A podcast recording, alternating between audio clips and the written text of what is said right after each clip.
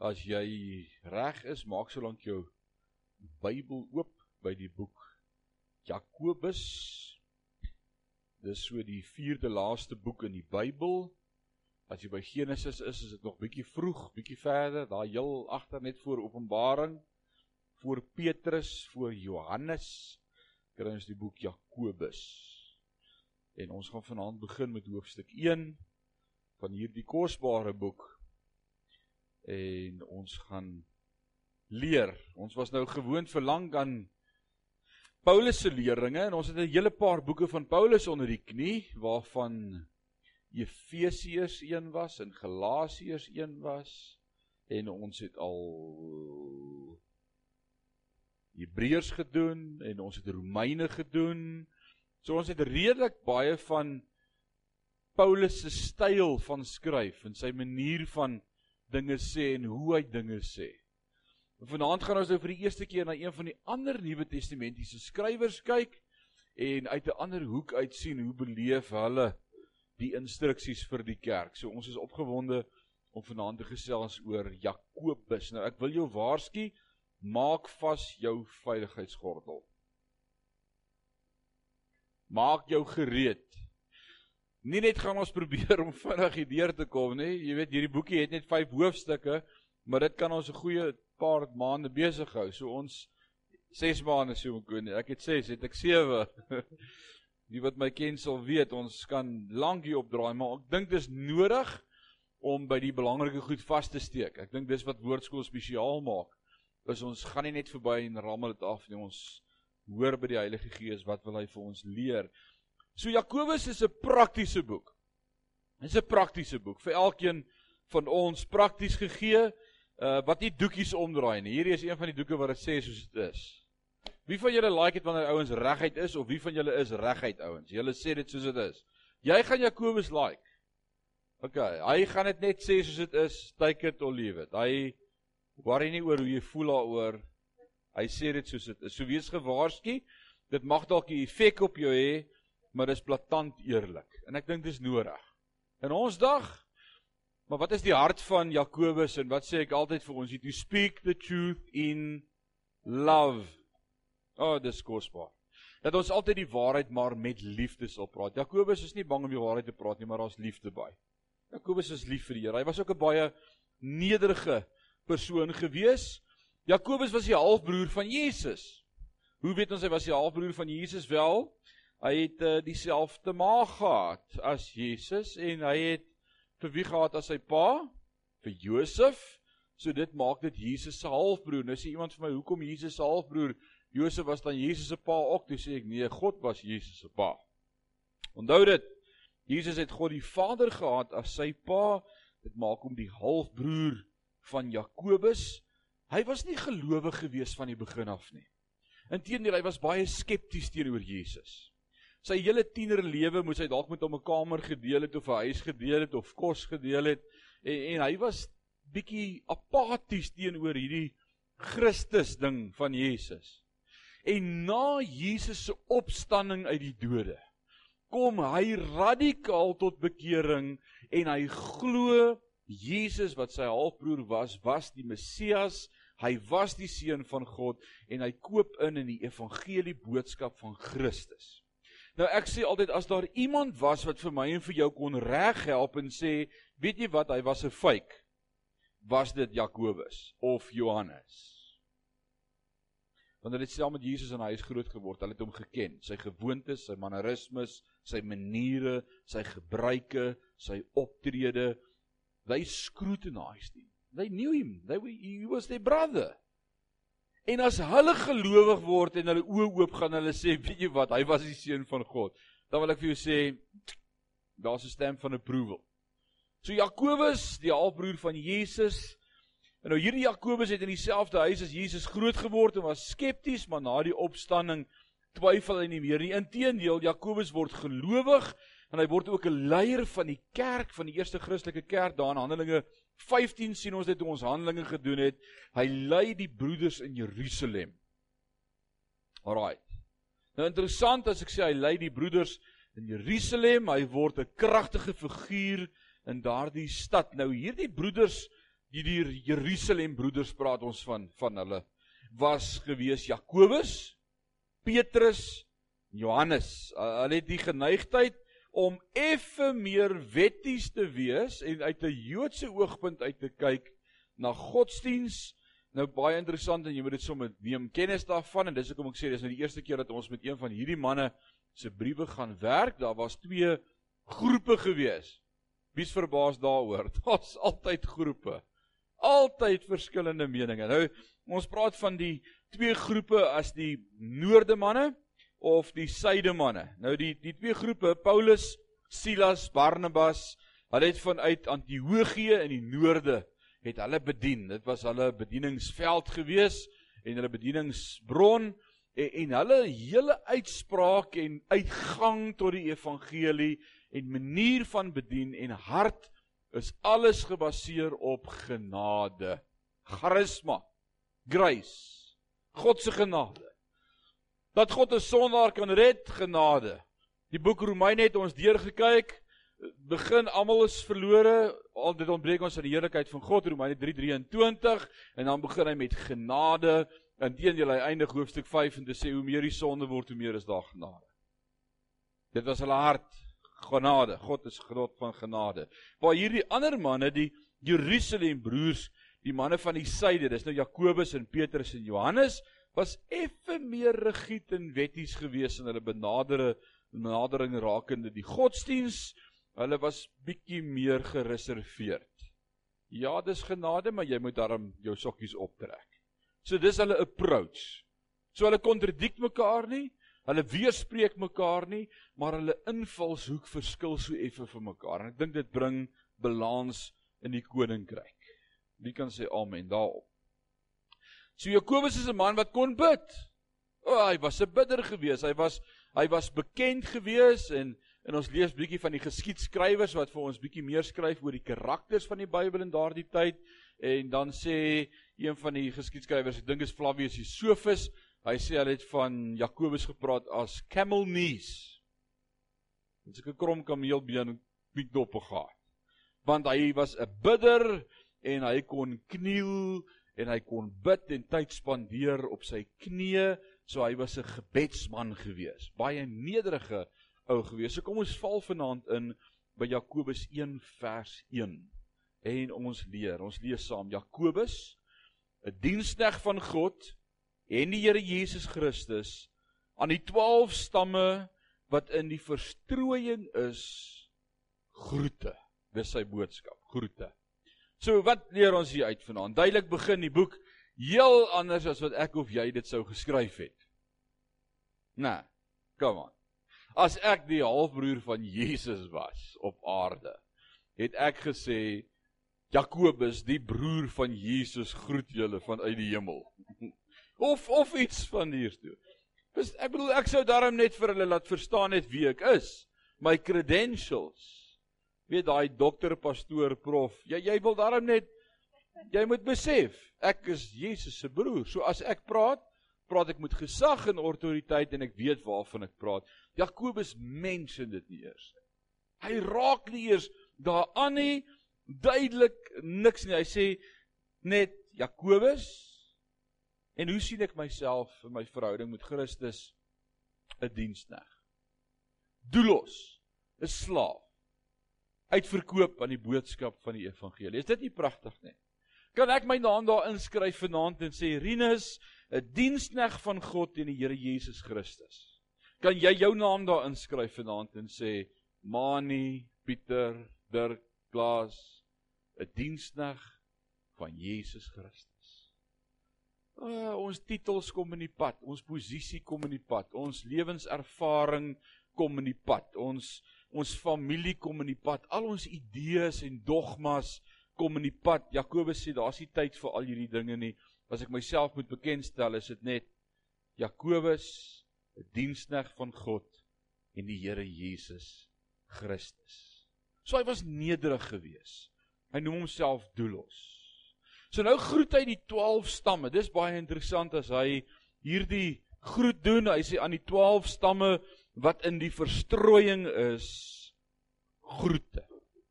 So vir wie skryf Jakobus hierdie boek? baie soos die Hebreërs skrywer, die Hebreërs skrywer skryf die boek Hebreërs aan gelowige Jode wat hulle tot Christus bekeer het deur wedergeboorte.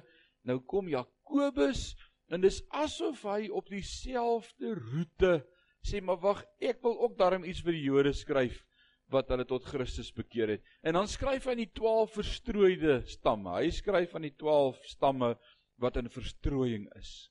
Gelowige Jode en as ons praat oor gelowiges, dan's ek en jy deel daarvan. Nie omdat ons Jode is nie, maar omdat ons gered is deur God se genade. Alraai, dis belangrik om dit te verstaan. Dis ons verstaan daarvan. So kom ons kyk wat sê hy vir hulle vers 2. Ag dit louter vreugde my broeders. O. Oh, kyk hierdie is sekerlik een van my favourite gedeeltes uit die woord uit. Dit was seker al 20 jaar wat hierdie gedeelte by my vas staan. Ag dit louter vreugde my broeders.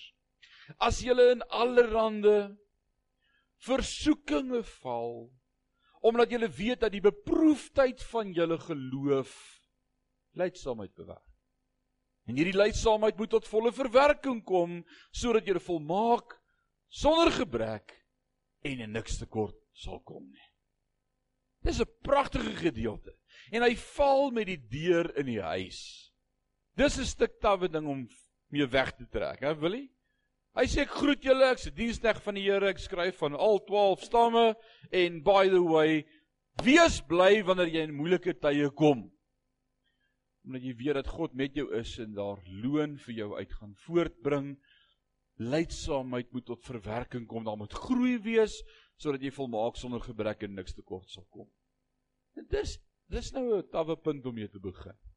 Hou in gedagte hy skryf vir die 12 verstrooide stamme op daardie stadium Rome keiser van die dag vervolging vir gelowige Christene.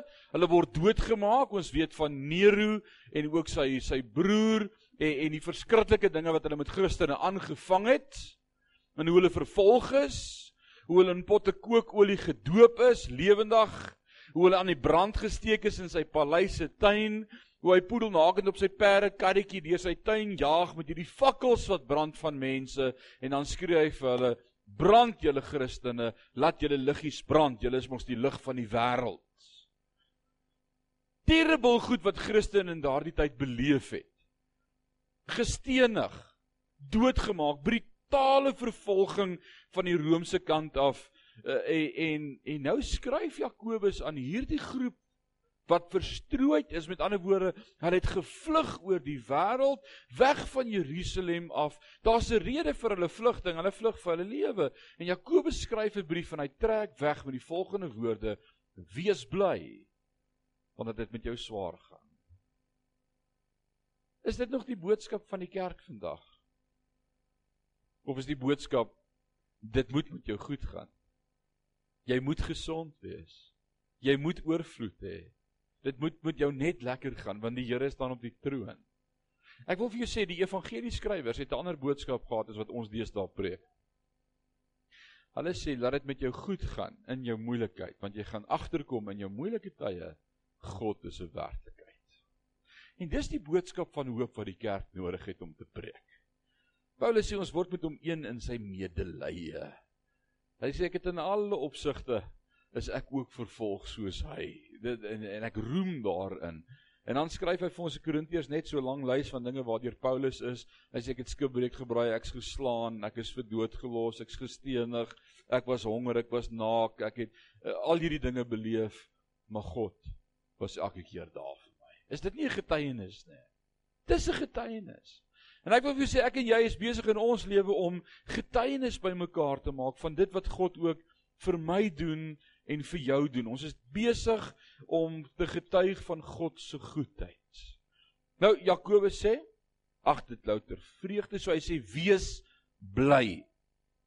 Dit is 'n tawwe boodskap om te preek vanaand. Johan, as dit met jou moeilik gaan en jy kom by die huis en jy sê vir Kobus, "Jesus, ek verstaan nie, maar al hierdie terrible goed gebeur." En sy sê vir jou sê, "Ag Johan, ruk jou reg en wees net bly." Ek dink dit sal die verkeerde benadering wees, Kobus. Maar jy kan ook vir hom sê gaan lees Jakobus 1 vers 2. Wees bly. Hoe kan ek en jy dit regkry om bly te wees in 'n toets, om bly te wees in 'n krisis? As ek vanaand sou vra wie van julle beleef krisisse en beleef vervolging en beleef al hierdie dinge wat skeefloop om jou, is ek sekerlik daar behoort nie baie hande te wees wat nie opgesteek word nie. Eerlik. Dis taaf daar buite. Dis moeilik. Ons beleef dit kom nader en nader aan ons en dit raak moeilik. Die tye waarin ons leef is moeilik. So die boodskap is ook vir my en vir jou vandag as Jakobus sê, wees bly. So dit tel vanaand ook vir elkeen van ons en ons moet ook vol vreugde wees. Hy sê verbly jou. Is dit die boodskap? Kom ons sê wat sê hierdie nuwe lewende vertaling? Hy sê my broers en susters, wanneer julle in allerlei beproewinge beland, moet julle eintlik baie bly wees. Regtig? Ek bly wees oor ek in 'n moeilike ding is. Dis die laaste ding waaroor ek dink. Is dit nie so nie?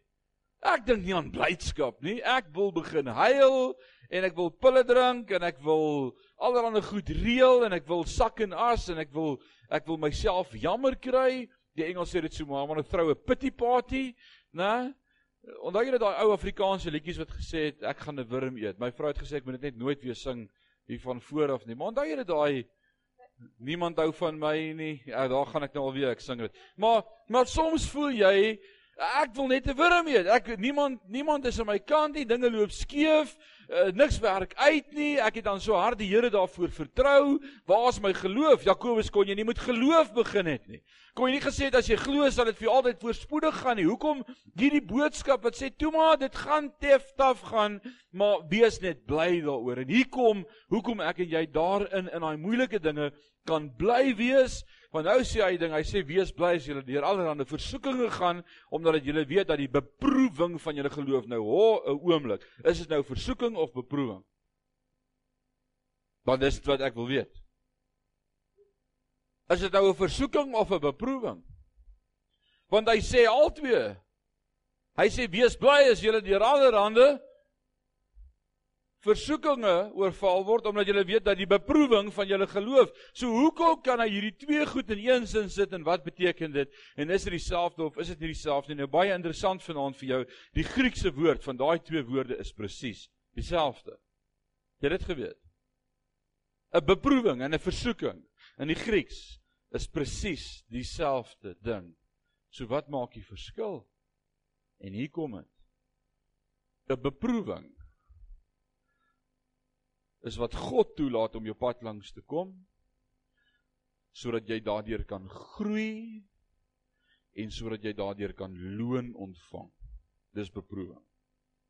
Die duiwel wil jou beproewing omdraai in 'n versoeking en sy doel met 'n versoeking is om jou te laat sondig en jou te laat val en verder van God af te dryf. Right? So wat die duiwel vir jou bewerk as 'n versoeking, sê God. Hy moenie so daaroor dink nie. Dink daaroor as 'n beproewing en jy kan deurkom en jy kan loon ontvang, want jy is tot alles in staat deur Christus wat jou die krag gee. Dis waarmee hierdie stuk kom deel vanaand. Alraai. So hier's 'n stuk tawe teologie waarmee Jakobus met die deur in die huis val.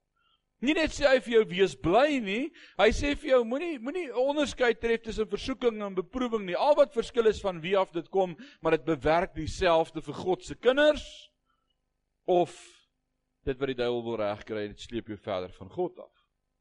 So, in die konteks wat hy dit bring, sê hy ag dit louter vreugde my broeders as julle in allerlei versoekinge val. Met ander woorde, hy sê die duiwel is die outeur daarvan en hy wil jou wegsleep van God af en hy wil hê jy moet sonde doen. Maar jy moet bly wees as hy wil hê jy moet sonde doen. Want jy kan dit sien as 'n beproewing wat lydsaamheid moet bewerk. Met ander woorde, hy moet jy moet leer in die proses om hierdie ou toetsie vir toetsie deur te kom en hy sê die eindproduk in jou lewe gaan wees dat jy kan sê ek is volmaak, ek is sonder gebrek en ek kom in niks kort nie. Nou wie van julle sal dit graag op julle CV wil skryf? Ek is volmaak, ek is sonder gebrek en ek kom niks kort nie. Steek jou hand op as dit jy is. Ek wil dit baie graag op myne skryf. En dit is wat hy sê.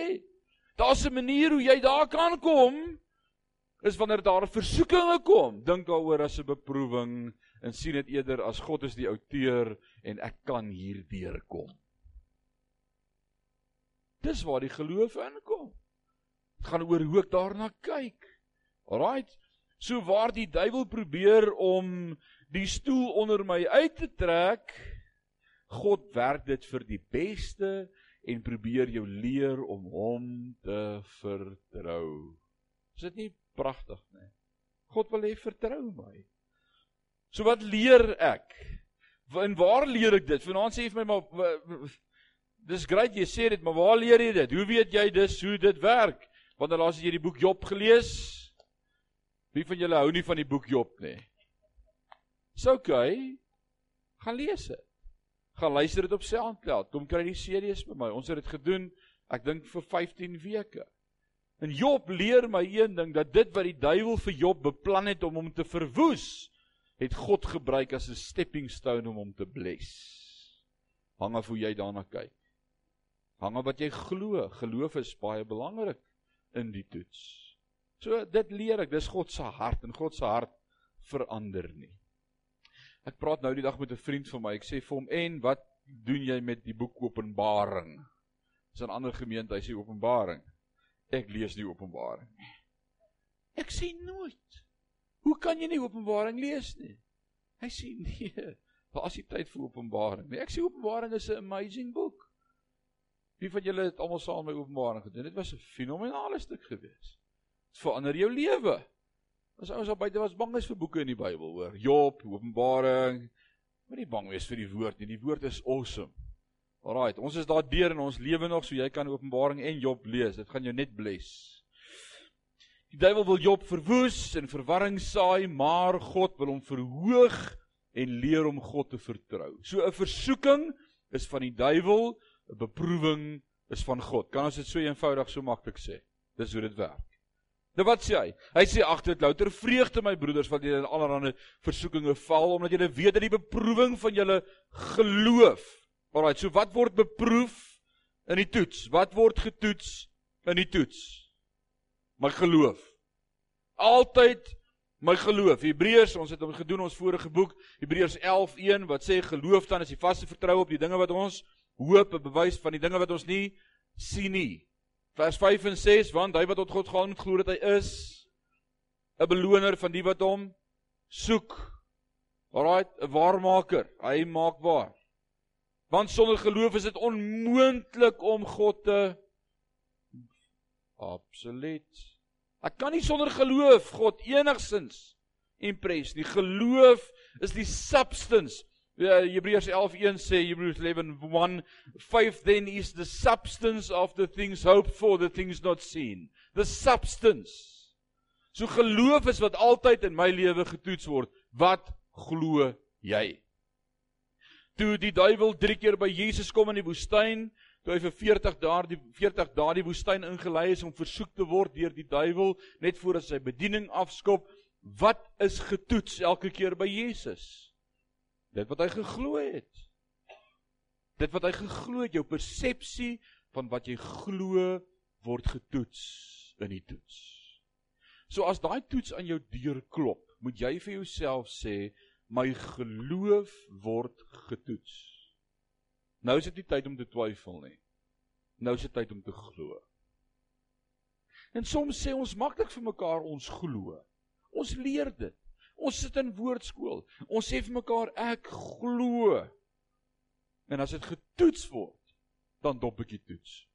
Dan tree ek op soos iemand wat nie glo nie en as ek optree soos iemand wat nie glo nie, beteken dit dit word 'n versoeking en ek val en die duiwel lag vir my. Jy het nie die toets deurgekom nie. God wil nie ek moet die toets druip nie. Hy toets my geloof. So daar kan nie geloof wees sonder beproewinge nie. Kan ons dit so omsê vir mekaar vanaand?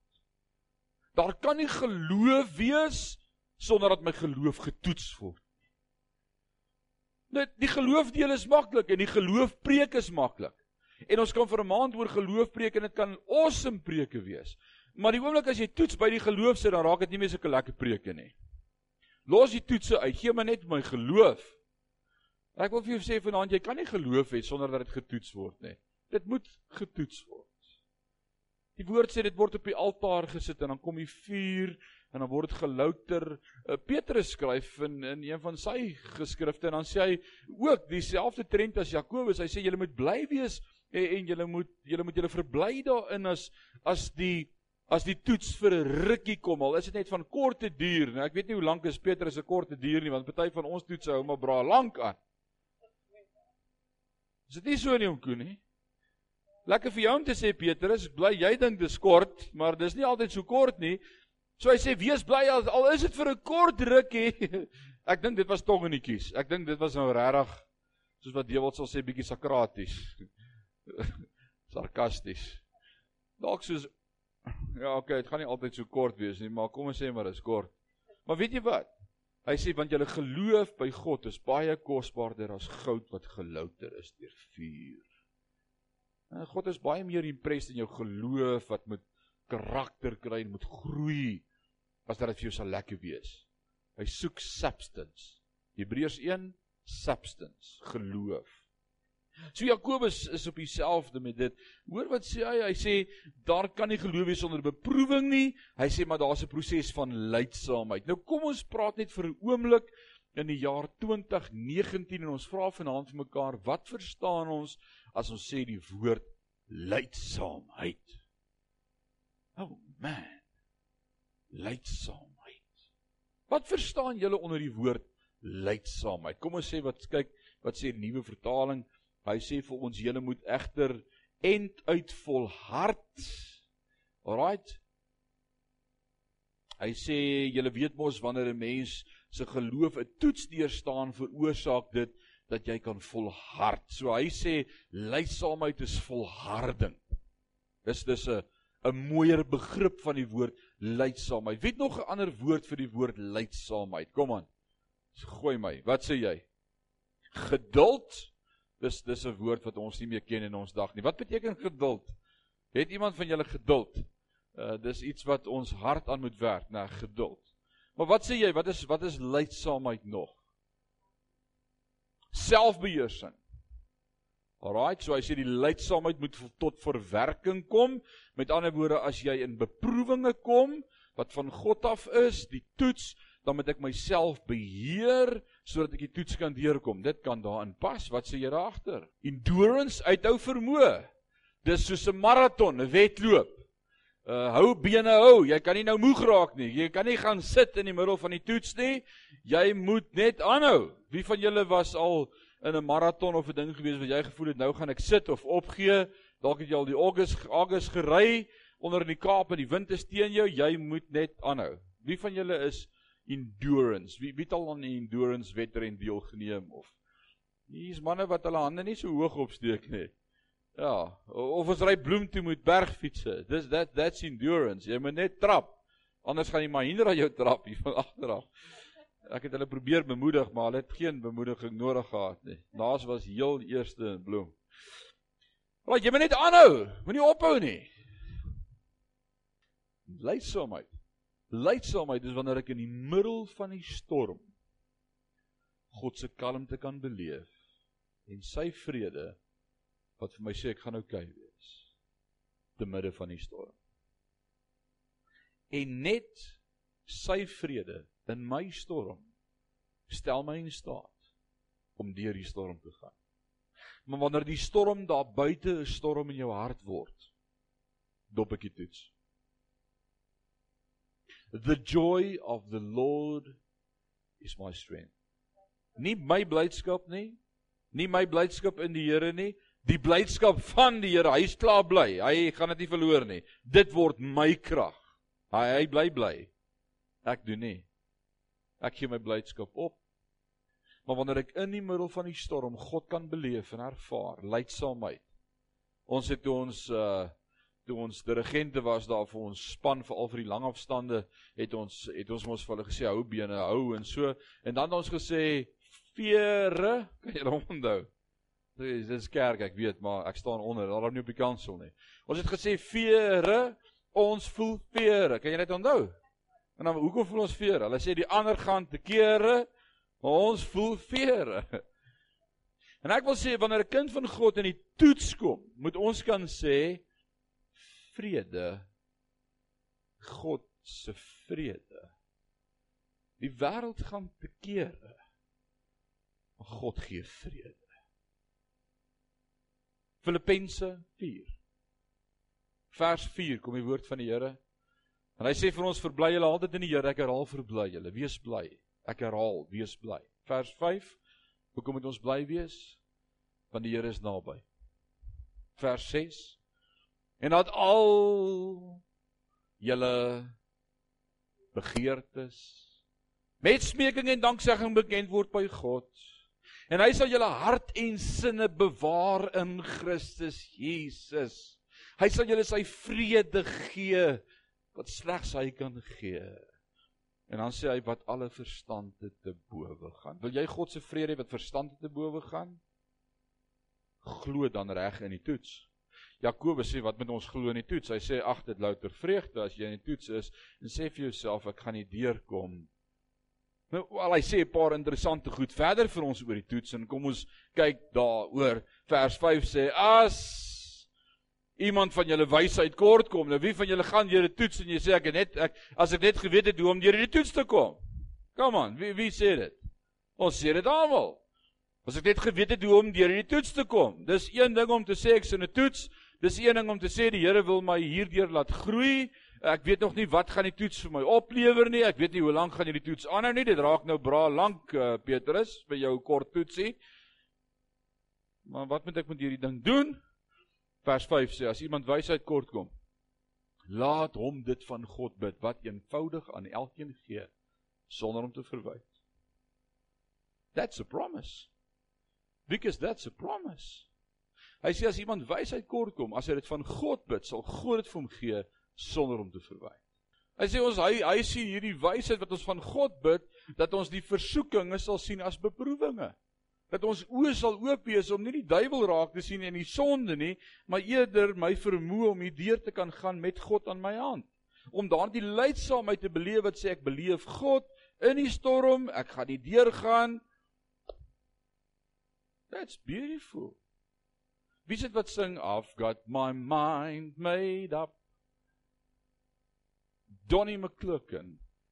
And I won't look back, cause I want to see my Jesus one day. I've got my mind made up, and I won't look back. As Lot se vrou dit maar net gesing het, né? Ja. Baie waar wat jy sê Johan. Baie waar wat jy sê en dis hoekom Jakobus in hierdie stuk nog vanaand met ons 'n paar goed gaan praat om daai juiste te herhaal en vas te maak en te sê maar wat is die goed wat saak maak? As jy as iemand van julle wysheid kort kom, laat hom dit van God bid wat aan almal eenvoudig gee sonder om te verwyd en dit sal aan hom gegee word. Hy sê jy gaan deur moeilike tyd, vra God, hy sal gee en nou kom hy maar. Nou sê ja, ek het geweer as 'n maar. Nee. Ek het geweer as 'n maar. Wel, kyk wat is hy maar? Maar vers 6, hy hierdie ou wat deur die versoeking gaan, hierdie ou wat bid, hierdie ou vir wie God sal antwoord, hierdie ou moet in die geloof bid. Waaroor gaan die hele ding? Oor geloof. Dis dan juist waaroor dit gaan. Jy moenie bid en nie glo nie. Dis nou waar die tekkie die teer tref. As jy in 'n moeilike omstandighede is en jy wil deur daai beproewing of versoeking, deur daai jy wil daardeur werk, dan glo jy God kan dit doen. Jy glo God gaan antwoord. Daar moet geloof wees. Hy sê maar hy moet in geloof bid sonder om te twyfel. Nou wie van julle kry dit reg om nooit te twyfel nie? Steek gejaan op. Sien ek geen hande nie. Regtig? Come on, van hierdie tyd moes julle al almal leraars gewees het, sê Hebreërs. Ons sukkel nog met die idee van twyfel.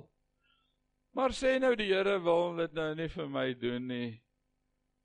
Ek weet daarom nie of dit vir my is nie. Hoe weet ek? Twyfel. Twyfel. Hy sê man moet in geloof bid sonder om te twyfel, want hy wat twyfel is soos 'n golf van die see wat deur die wind gedrywe en voortgesleep word. Want die mens wat twyfel, moenie dink dat hy iets van die Here sal ontvang nie.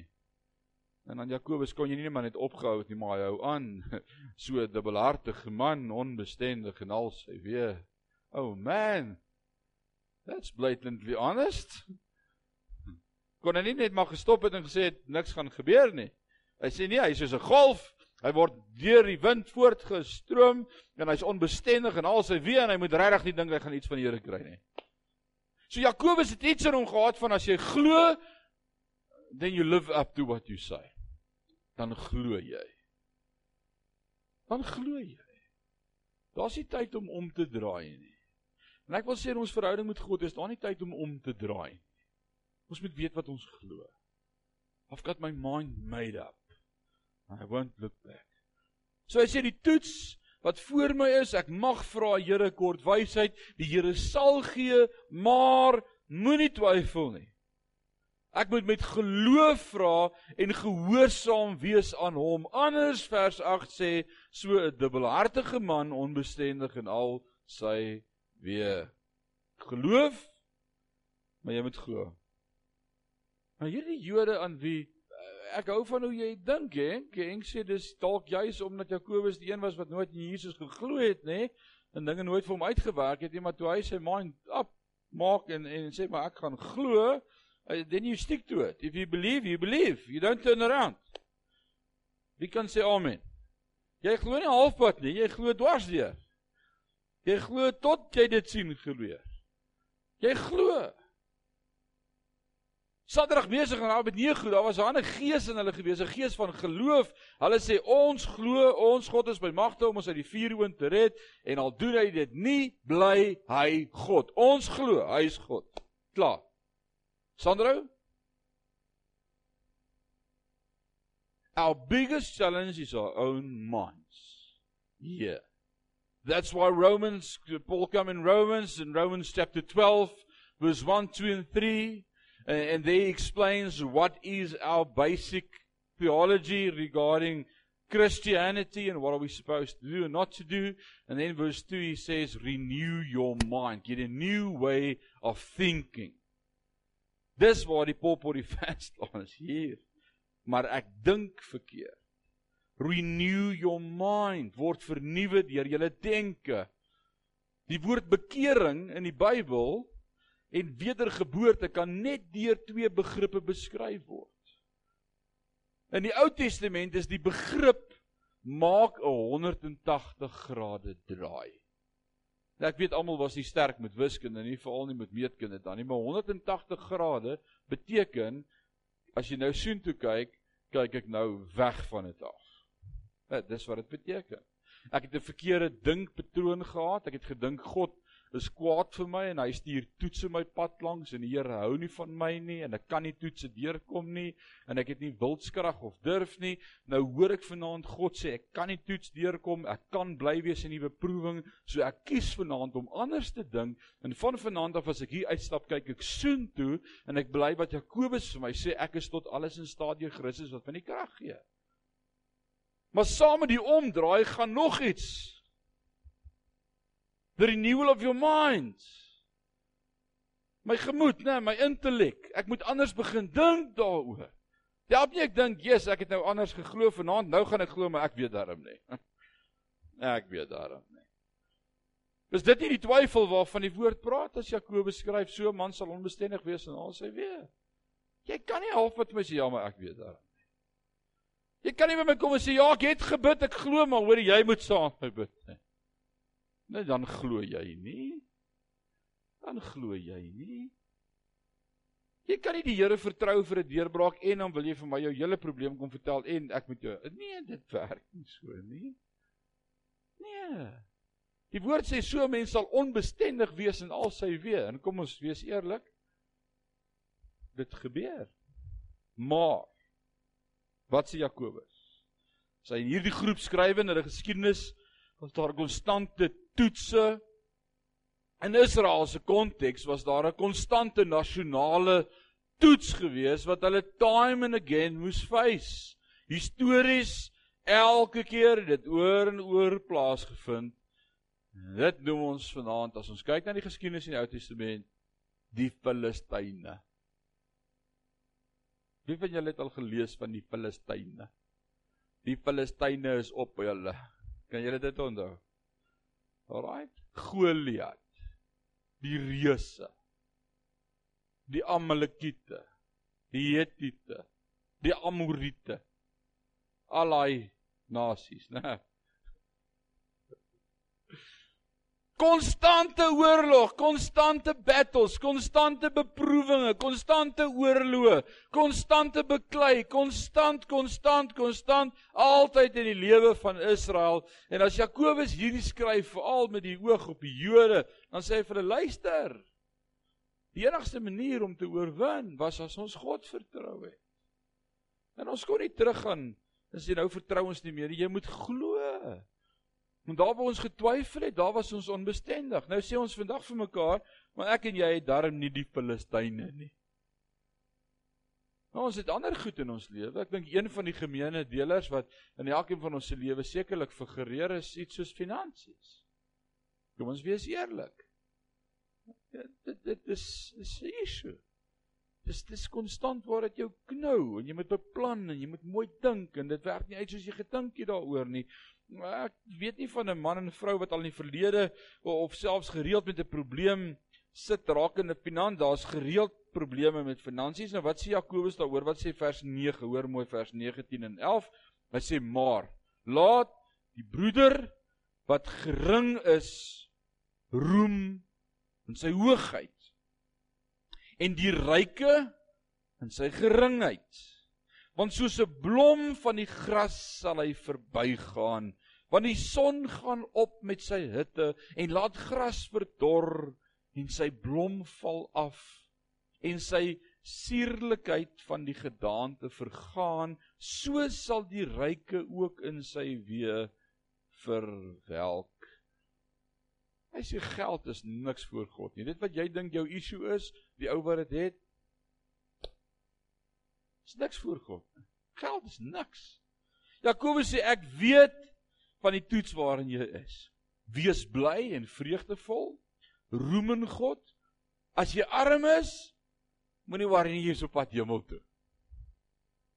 En as jy ryk is, moenie worry nie jy gaan elk geval alles verloor voor jy daar kom. Dit is dis in 'n nutshell, dis 'n positiewe woord. Wie kan sê amen? So hy sê moenie worry of jy arm of ryk is nie. Jy jy's op pad hemel toe.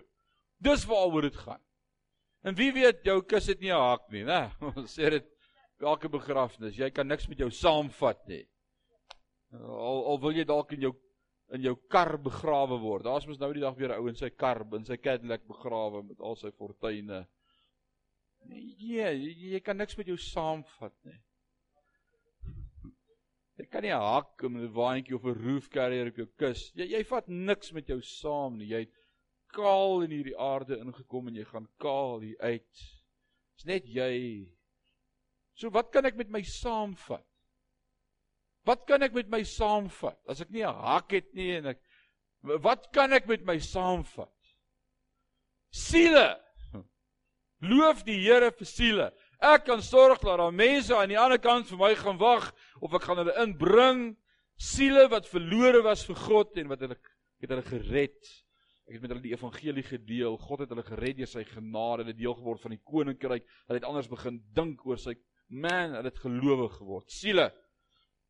En dan sê die woord maak vir julle skatte bymekaar en nie hemel wat nie deur mot en roes verwoes kan word nie, want waar jou skat is is jou hart. Ek wil vanaand vir jou vra, waar is jou hart? Dan wil ek sê jy sê wys my jou skat. Want as jy vir my sê jou skat is in Absa, dan sê die woord jou hart is in Absa. En ek het 'n surprise vir jou, is 'n verkeerde plek vir jou hart om te wees. Want hy sê maak vir jou skatte bymekaar in die hemel. So hoe maak ek vir my skat bymekaar in die hemel? Ek gooi al my geld wat oorbly elke maand in die offerande sakkie. Ek stuur dit vooruit. Want waar my skat is, gaan my hart wees en my skat is in die koninkryk. So my hart is in die koninkryk. Jy geweet jy kan jou geld deposit vir die hemel? Nee, wat so goed preek jy nou vanaand? As jou skat in jou sak sit, gaan jou hart in jou sak sit. En daarom leer Christus ons om te gee met 'n blymoedige gesindheid vir die koninkryk. Dit sê ek saai in die koninkryk in want ek kry dividende terug. En hoe meer ek kry, hoe meer wil ek gee want my hart is op die regte plek, is in die hemel. Dit was 'n preek op sy eie en dit was nie vir jou was nie los dit. Alraight.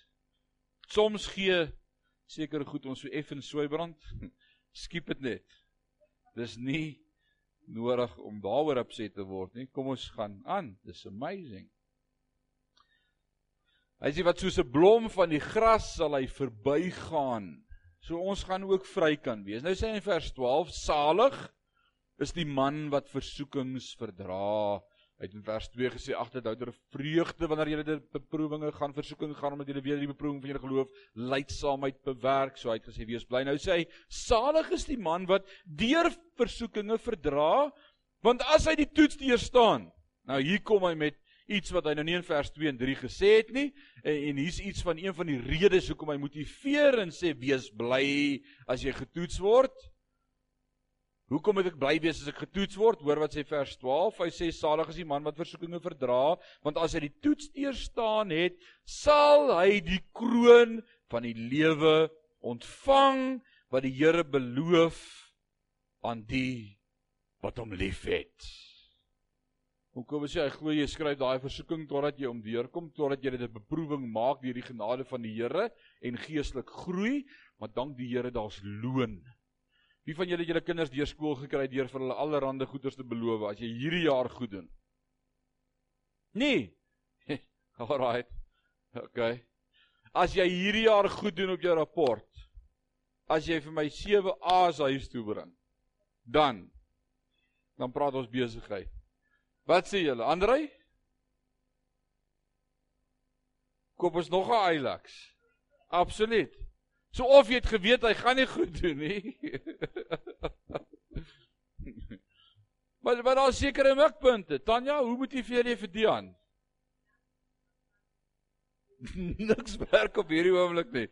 As iemand wysheid kort kom, laat hom dit van God bid wat eenvoudig aan elkeen gee sonder om te verwy. Die Here sal met jou praat. Alraai, baie gebed. Maar jy het seker 'n incentive, 'n wortel voor die neus of 'n jy weet mos hoe jou kinders moeilik geleer het, dan dan kom jy met so 'n bietjie Wiekes is dit nodig vir incentives as jy dogters het. Weet jy maar twee seuns is glo my, dis 'n ander ballgame. Jy moet hulle die hele tyd incentives. Moenie my dreig nie. Yes, like. Moenie my dreig nie. Ek ek, moet dit vertel. Wiekes as jy sê moenie my dreig nie. My my jongste, waar's hy? Hy's gelukkig nie in die kerk nie. Hy's 10. Nou staan hy nou dag voor die bed en ek sê vir hom as jy nie nou doen wat ek vir jou sê nie, breek ek jou nek. Ja, ja, hoe ja, jy het in jou lewe nog nooit gesê nie. Judge my. Dis reg. Maar in 'n geval, jy's julle skyn heilig hier vir al raak. Is 'n lekker kerk hier, ja?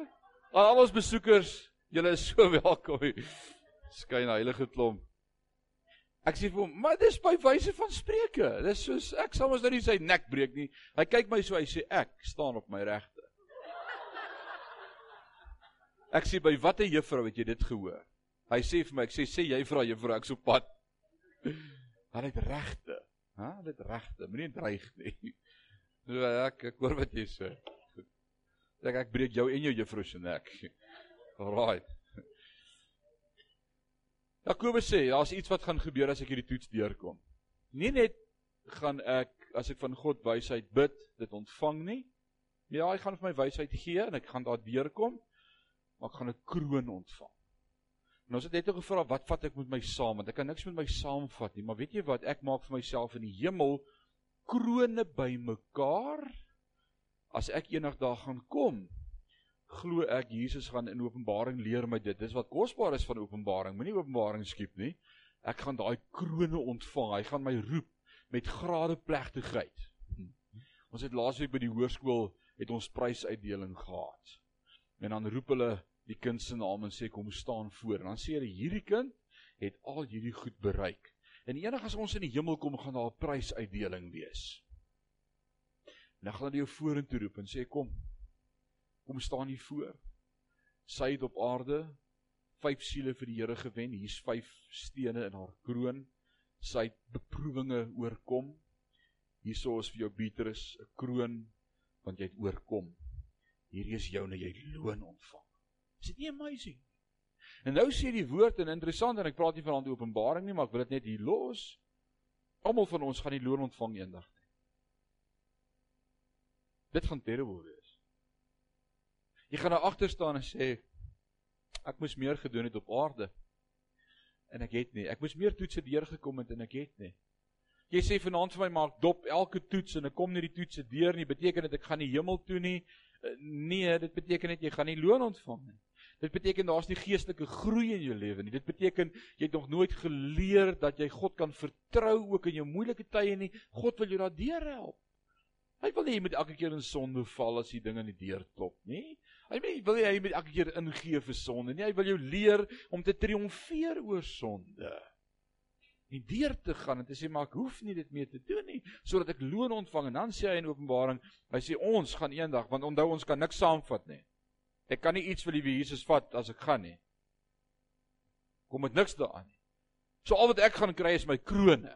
So al wat ek gaan hê om voor hom neer te buig en te gee om te sê dankie vir alles wat hy vir my gedoen het, gaan my krone wees. En dan sê hy die gelowiges gaan hulle krone afhaal en weggee. Ons gaan vir hom sê ons is nie ons is nie waardig om hierdie kroon te hê nie. U is die een wat die krone moet kry. U u lewe vir ons gegee. Here aan u. En dan gee ons ons krone vir hom. Nou imagine as jy nou graag vir die Jesus 'n geskenkie wil gee eendag en jy kom in die hemel en jy het nie 'n kroon nie, wat gaan jy vir hom gee? Niks. En dan sê Jesus, ek sal die trane afdroog en daar sal niemand meer huil nie. Nou wonder ek, hoekom gaan mense huil in die hemel? Hier staan my liewe Jesus, hoekom gaan jy wil huil? Omdat jy niks het om te gee nie. Omdat jy gaan besef ek het my tyd op aarde gemors met die verkeerde goed. En ek het hier skatte bymekaar gemaak in die hemel waar moet mot en roes dit nie kon verwoes nie maak skatte bymekaar in die hemel. Right. Hou bene, hou. So, vers 12 sê jy daar's versoeking en 'n toets en elkeen van ons beleef dit in die lewe. Jakobus sê ons gaan daar deurgaan en dis awesome. Alright. Hoe hoekom is krone nog belangrik? Ek wil dit gou-gou by sê. Hoekom is loon en krone in die hemel nog belangrik eendag? want dit gaan die bepalende faktor wees oor waaroor God jou eendag gaan aanstel om te regeer saam met hom. Want hy sê as hy kom, Hebreërs leer ons dit, Openbaring leer dit vir ons, gaan ons saam met hom regeer as konings en priesters.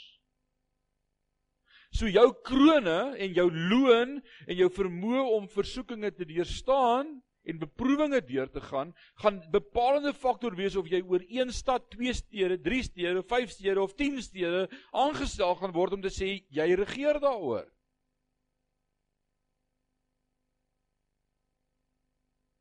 Jacques, is jy? So die bepalende faktor, so daarom is dit belangrik vir my en vir jou om krone bymekaar te maak. So kom tog net die toets deur. Wat sê jy hierdie week, gaan jy hom deurkom? Dink jy jy kan hom deurkom? Die woord sê jy kan hom deurkom en as jy as jy nie weet hoe om deur te kom nie, kan jy nog vir God vra en hy gaan nog vir jou sê hoe. Maar hier kom ons by dat laat niemand vers 13 as hy 'n versoeking kom sê ek word deur God versoek nie. Want God kan deur die kwaad nie versoek word nie. En self versoek hy niemand nie. Maar elkeen word versoek as hy deur sy eie begeerlikheid weggesleep en verlok word daarna. As die begeerlikheid ontvang het, baar dit sonde en as die sonde tot volle verwerking kom, bring dit die dood voort. Daar's 'n proses. God versoek, nê? Dis nie God se intensie nie. Hy sê verstaan die volgende: God bring my voortoetse om my te laat groei. Die duiwel sê nee man, sien dit eerder so. Dalk is die toets finansies. God sê kom ons hou 'n bietjie Koenie hulle se finansies vas vir 'n rukkie om net seker te maak hulle glo reg. Ek wil weet wat in Koenie se hart is oor my. Glo Koenie ek is sy voorsiener en nie Absa nie. Wie van julle het al daai toets geskryf?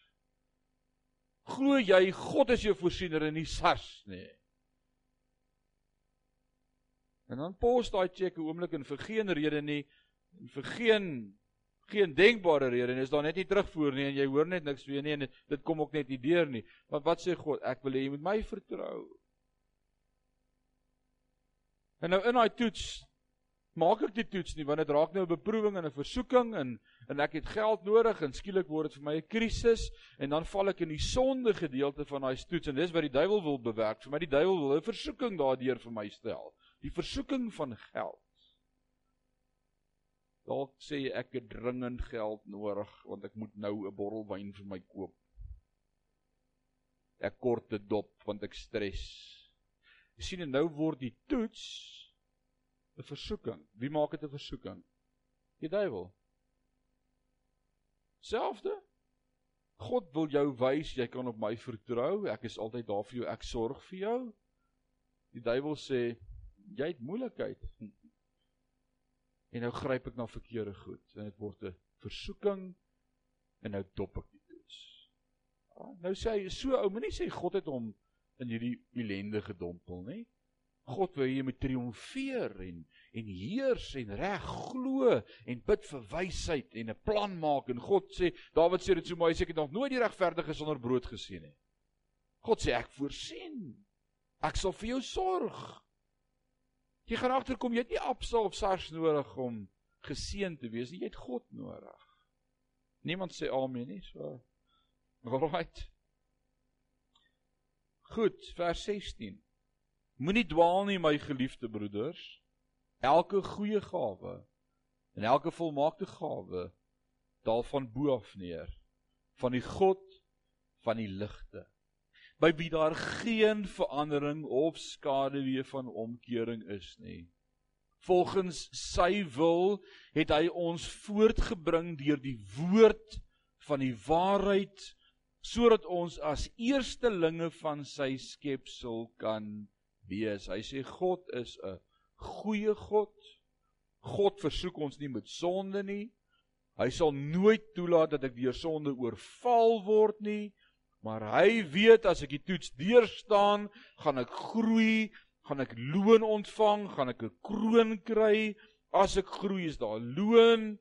Die goeie gawes kom van die Vader af.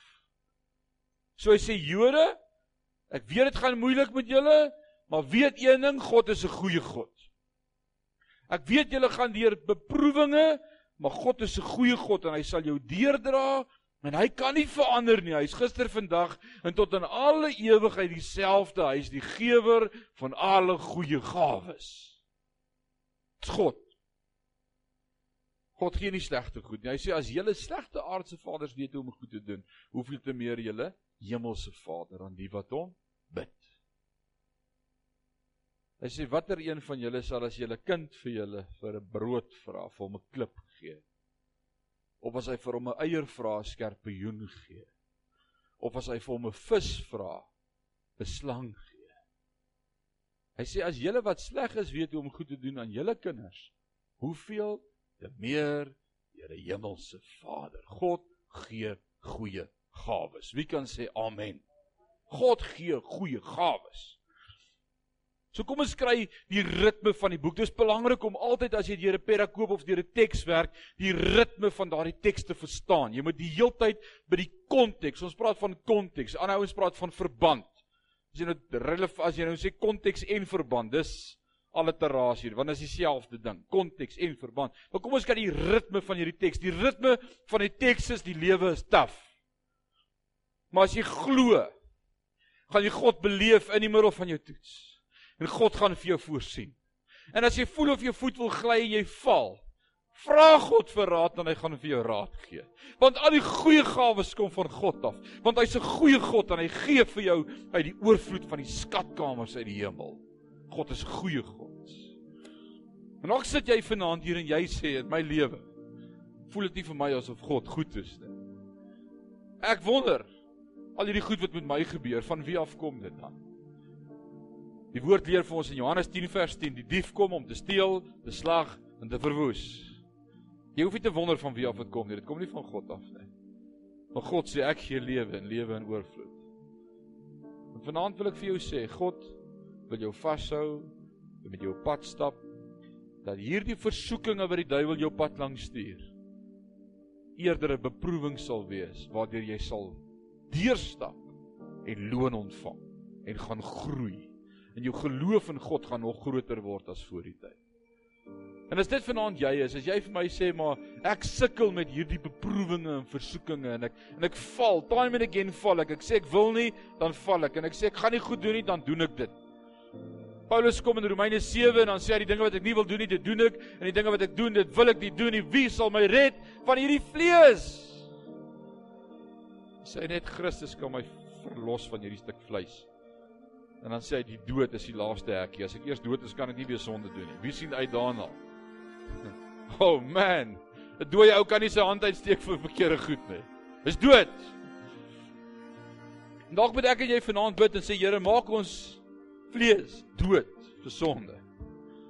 Sodat ek sal oorwin in die gees sal loon ontvang. Hier by Sion is dit ons gewoonte om te bid want ons glo God hoor as ons bid. So ek gaan vra, kom ons maak ons oë toe. Almal maak ons oë toe. Ons is Ons is waar ons kan wees vir vanaand. Ons sal volgende week aangaan. Maar as jy vanaand sê dis ek daai. Ek sien vanaand myself en Jakobus, ek hoor hy praat met my. Vanaand sê hy vir my ek moet geloof hê en ek moet deurkom. Ek weet nie hoe gaan ek deurkom nie, maar ek glo vanaand. Dan wil ek saam met jou bid vanaand dat jy deur hierdie toets sal kom. As jy is wat in 'n konstante toets is. Dalk is dit 'n eenvoudige toets, dalk is dit vir jou baie taaf, dalk is dit moeilik, dalk is jy selfs verslaaf van dobbel of pornografie of alkohol of enige substance. Dalk dalk is daar goed in jou lewe wat jy net nie gebreek kry nie. Dan wil ek vanaand saam met jou bid dat die Here vir jou sal 'n deurbraak gee. Wil jy nie net sonder dat iemand rondkyk. Niemand kyk rond nie. Wil jy nie gou opstaan nie? Niemand kyk rond nie. Kom maar, is saak tussen jou en die Here. Saak tussen jou en die Here. Jy sê vanaand daar's goed in my lewe wat ek weet my terughou. En ek het vanaand gehoor, ek moet God vertrou. En ek wil vanaand die Here vertrou. Dan staan jy op. En daar's soveel wat staan vanaand. Ek weet die Here het met ons gepraat. Moenie net staan omdat almal staan nie. Staan regtig en sê vanaand is die aand in my lewe, die 20ste Oktober 2019, 12 minute oor 7. Het ek God vertrou om my lewe nuut te maak. En om my te help om klaar te kry met dinge wat my terughou sodat ek sal oorwinning kry. En ek glo die Here gaan my vanaand losmaak. Onthou die woord sê so 'n man moet glo. Hy moet nie met twyfel in sy hart bid nie, anders sal hy onbestendig wees en alse wees soos 'n golf wat voortgesleep word soos 'n golf. Vanaand wil ek saam met jou bid dat jy geloof in jou hart sal hê en sê vanaand glo ek God maak my vry. Ek saam met jou bid vanaand. Kom ons bid saam, Vader. Ah, oh, daar's soveel van ons wat vanaand staan wat sê Here, ons sukkel met hierdie stuk vleis hierdie stuk vleis wil goed doen wat ons nie wil doen nie. In ons harte is ons oortuig wat is die regte ding.